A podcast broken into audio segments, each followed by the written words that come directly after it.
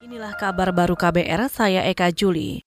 Kementerian BUMN mengklaim wabah novel coronavirus bisa mengganggu bisnis BUMN. Menteri BUMN Erick Thohir menyebut wabah itu mengakibatkan hubungan ekonomi Indonesia dan investasi dengan berbagai negara terganggu. Investasi yang kemarin misalnya Indonesia dengan Abu Dhabi tanda tangan sebesar 18 miliar dolar bisa aja berhenti.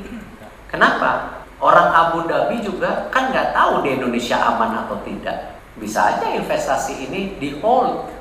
Menteri BUMN Erick Thohir menambahkan, dampak yang ditimbulkan dari novel corona ini, maksud kami coronavirus ini tidak hanya terkait kesehatan. Berkaca pada Cina, virus ini juga membuat indeks saham di pasar modal Cina anjlok. Virus corona juga membuat produktivitas Cina menurun karena pekerja hanya di rumah.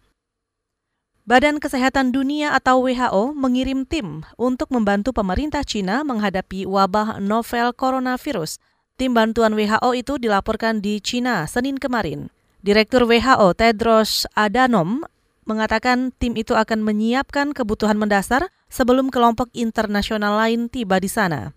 Tim permulaan itu dipimpin Bruce Elward, tenaga senior WHO. Bruce selalu dikirim ketika terjadi situasi darurat yang mengancam kesehatan masyarakat. Bruce juga pernah memimpin tim WHO untuk menangani wabah Ebola di Afrika.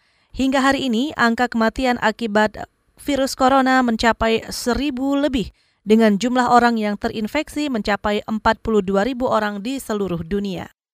Saudara kepolisian mengklaim terus mencegah kebakaran hutan dan lahan di Indonesia. Menurut juru bicara Mabes Polri Argo Yuwono, Kepolisian menjalankan perintah Presiden Jokowi terkait langkah antisipasi karhutla meskipun masih musim penghujan.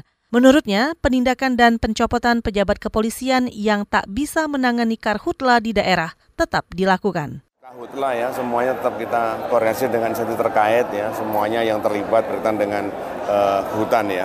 Jadi kita tetap komunikasi, dan menjalin komunikasi ya, jangan sampai ya, jangan sampai kita uh, Jangan sampai kita membiarkan, tapi kita preventif tetap kita lakukan ya, baik itu penyuluhan-penyuluhan di masyarakat ya, tetap kita tetap patroli, patroli tetap kita lakukan.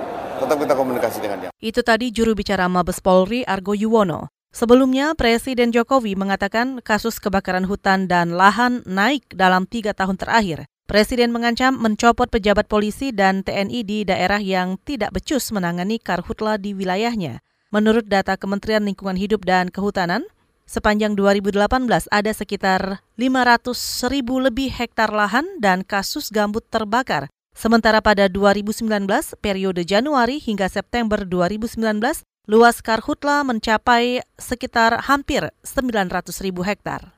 Saudara demikian kabar baru, saya Eka Juli.